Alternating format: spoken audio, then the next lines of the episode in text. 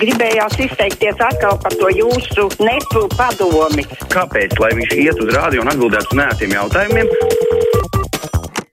Tālruņa numuru mūsu studijā 6722, 888, 672, 559, varat mums sūtīt ziņu no mūsu mājaslapas. Zigis vaicā, kāpēc Rīgas krastmalā tāds sastrēgums šodien? Man šķiet, ka tur sastrēgums ir katru darba dienu, un dažkārt ne tikai, tas ir saistībā ar L-politika būvniecību. Tur taču ir milzīgas, milzīgi daudz kas izrakts, iespējams, ka kādu dienu pat vairāk.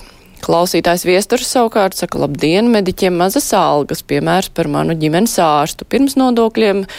1930 eiro alga. Darba laiks pirmdien no 8 līdz 3, otrdien no 9 līdz 4, trešdien brīvs, ceturtdien no 4 līdz 8, piekdien no 10 līdz 2, un tagad parēķiniet, cik stundu viņš nedēļā nostrādā un cik viņš par stundu saņem, vajag pielikt algu vai tomēr sistēmu sakārtot.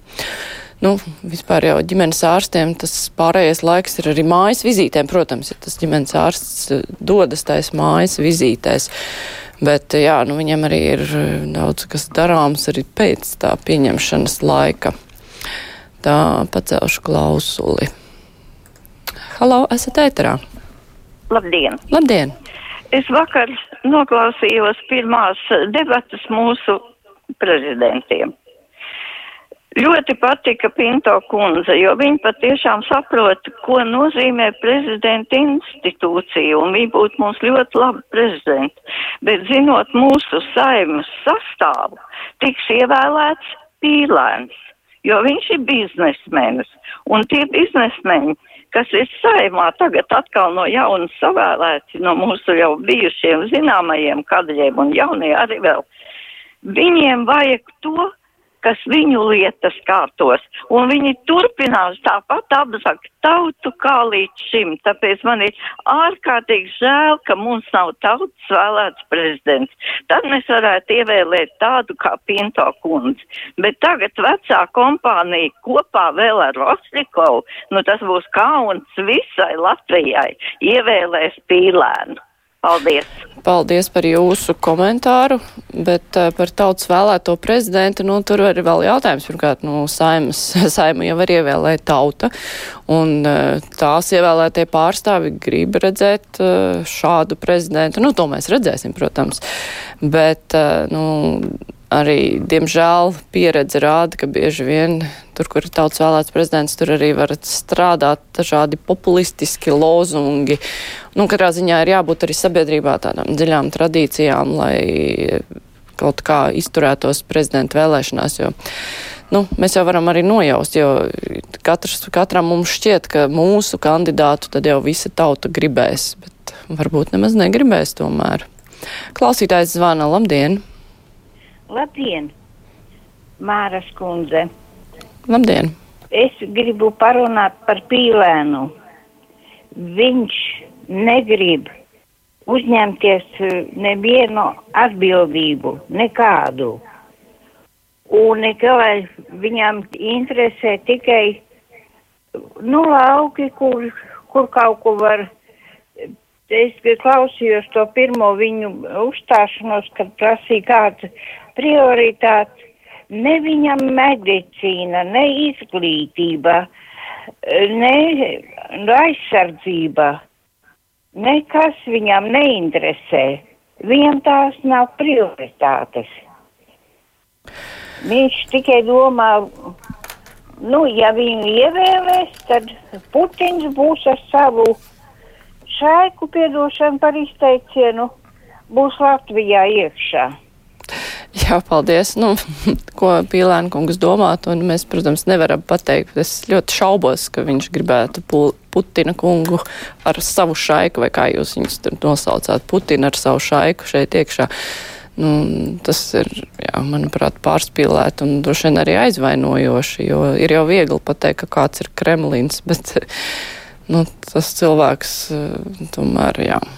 Nu labi, nekomentēšu to. Ines raksta, nu tikko teica, ka telefoni kalpo tikai kādus divus gadus. Nu kas tās par grabažām? Mēs ar meitu lietojam vismaz desmit gadus savus iPhone. Sākumā meita lietoja gadus četrus, pēc tam mēs to pašu par vēl kādus piecus un vēl vairāk, jo praktiski tie strādā. Nu, labi paveicās. Ir daudz cilvēku, jā, kam kalpo lietas ilgāk, bet, diemžēl, nemazāk ir tādi, kuriem nekalpo tās lietas ilgāk. Ivārs raksta, šis laikam būtu īstais brīdis, kad Eiropas un Rietumu valstu līderiem skaidri pateikt Erdoganam, vecīt, paskaties, tavs reitings nemaz nav tik augsts, vismaz 45% turku vēlas pārmaiņas, un tu nevari turpināt kā līdz šim vadīt valsti kā diktators, pat ja uzvarēs otrajā kārtā, tev jānāk pie prāta un jābeidz koķetēt ar Putinu. Tā mums raksta Ivārs. Pacaušu klausulu. Labdien, brīvais mikrofons. Labdien! Labdien! Jūs man dzirdat? Dzirdam gan. Es te pa visu citu tēmu gribu parunāt par sporta tēmu. Jā, lūdzu. E- Es vakar skatījos Ventspils un Vefu. Ziniet, pilnīgi slikti došpalē skatoties uz tiem iedugušiem latviešu sportistiem. Tas pirmkārt. Otrkārt, ka šitas te trenēt, tu tam minūtes pārtraukumā tur kaut ko angliski. Ļaustās gribās iet uz poda. Bet tā viss Latvijā saprot angļu valodu. Bet tie treneri ne jau jums teica to, bet dažiem kā sportistiem. Ilza raksta, man būs kauns ievēlēs uh, Rinkēviču. Nu labi, es pat nelasīšu tālāk, ko Ilza tur ir sarakstījusi. Tā opa raksta, gan ar saimas, gan tautas vēlētu prezidentu var ieblā, iebraukt dziļā gravā, ja nav sakārtots izvēles ciets un tie pamatprincipi, kas bija pirms kara ar morāli ētiskām augstām vērtībām. Jānis domā, ka tautas vēlēts prezidents nav panacēja aptaujas, taču reiz parādīja, ka tauta gribot Lembergu. Pacaušu klausulu brīvais mikrofons. Labdien! Labdien! Labdien! Es arī gribēju izteikties attiecībā par pīlēnu kandidatūru. Un tad es gribu teikt, ka ļoti jau visa opozīcija, var teikt, un uh, arī tā skaitā to apvienoto sarakstu arī pilnībā tagad var pievienot opozīcijai ļoti kritizē situāciju, kāda ir, un ka mēs braucam uz lēt, tikai jāatcerās, ka tā starta pozīcija mums bija, kad 9. gadā bija lielā krīze. Un kas tad, tad bija? Kas tad bija prezidents, kas tad bija ministrs prezidents, un kad beig beigās vajadzēja kādam braukt no Eiropas glābt te visu to lietu. Un toreiz jau naudu nemaz nevarēja aizņemties, toreiz vispārībā par, par ko tad ir runa, no kā mēs sākām salīdzinot ar tiem pašiem igauņiem un lēšiem. Mēs bijām absolūtā bankrotā. Un kas bija pieteikšanas pirms tam, pirms tam, kas to noved līdz tam? Un tagad pīlēns nāk kā glābējs. Ne par to, varbūt viņš būtu gribējis glābt, tad viņš būtu gājis uz tā kā demokrātijā pienākās, uz vēlēšanām, un tad jau arī redzēt tautu, ko vairāk atbalsta, vai tā vairāk atbalsta to, ko dara, teiksim, vienotība, vai tā vairāk atbalsta to, ko dara pīlēna kompānija, bet viņš to vispārībā izslēdz kā savu personību augstāk par visu, viņš tikai par prezidentu. Es uzskatu, ka tā, tas neatbilst demokrātijas principiem. Jā, paldies par viedokli. Savukārt klausītājs, kurš parakstījies kā darba devējs raksta, ja pēc slikti novērtēta darba darbinieks aiziet prom pēc pašvēlēšanās, vai ir pareizi, ka tādam darbiniekam pienāks kompensācija, dzīvoklis, auto apsardze, reprezentācijas nauda. Hm. Droši vien, ka tas ir mājiens par Levita kungu, bet viņš jau neiet prom ar darbu uzteikumu. Viņš vienkārši nekandidē nākamajās vēlēšanās. Klausītājs zvana, labdien, brīvais mikrofons. Labdien! Labdien! Es tikko runāju par to noguldījumiem, kredītiem, jā, kas ir nemākot trauta rēķināt, katru procentu izrēķināt.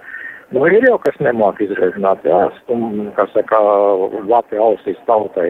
Noliec 100 eirikus uz gadu, jā, tev 2%, nu, tas ir nu, dabu, jā. Bet cik mēnesī maksā pa konta uzturēšanu? 2 eirika ar centiem. Kad gadā, cik tu esi uzturējis algoņus? Tas ir, jā. Citas visas, ka, ka tur jāatrakšās un tāds ir. Jā, diemžēl ļoti slikta skaņa, bet tie ideja jau sapratām.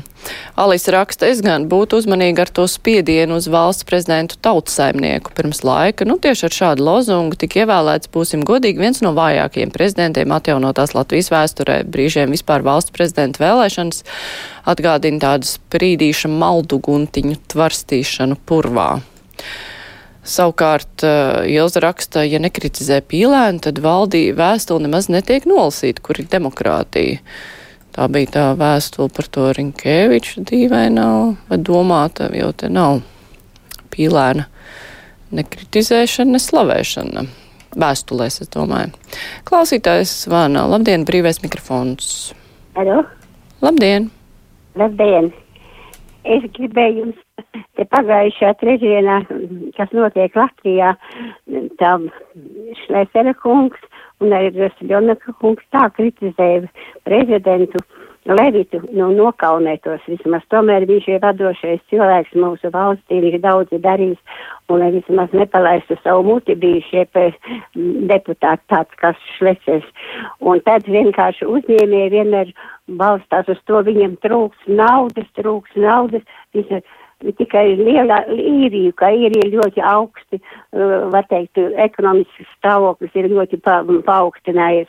Man mazdēls tur strādā, bet es pateikšu, īrija strādā no pulknes sešiem līdz pieciem, un, kad es zvanu pa telefonu, viņi nedrīkst atbildēt. Viņi nedrīkst pa telefonu pacelt darba laikā, bet ko mūsē dara? Daktori strādā četras stundas, un jūs domājat, ka mūsu vadošie visu uzņēmēji strādās tas četras stundas strādājiet, un tad būs maize un nebūs kritizēt, ko Latvija, ka ļoti nabadzīga valsts. Mums ir ļoti laba un bagāta valsts, lai māku dzīvot tikai, nevis naudu izskrāpt no valsts. Paldies jums!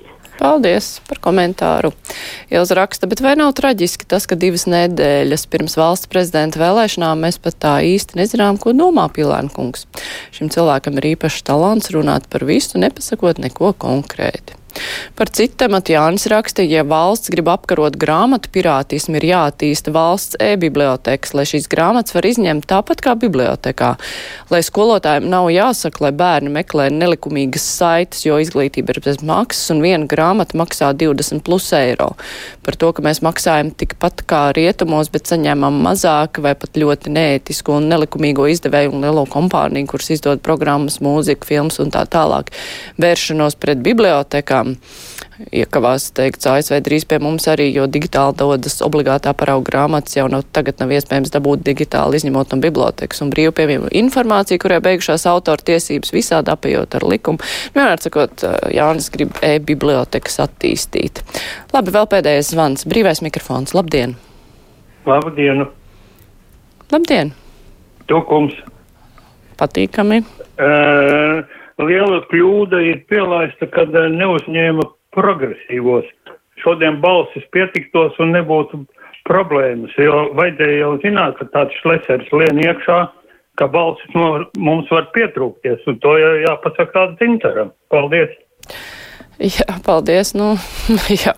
Tāpēc jau neuzņēma progresīvos, ka vienai daļai bija iebildumi pret viņiem, un tas, ja viņi, viņi tur būtu uzņemti, tas jau nenozīmē, ka tur būtu lielāka draudzība vai ideoloģiskā saskaņa viņu starpā. Labi, paldies, klausītāji. Tagad būs ziņas, bet pēc tam kruspunktā lielā intervija būs par vēstures zinātnes nozīmi, arī par demokrātijas nozīmi. Mūsu studijā būs vēsturniece Ineta Lipša.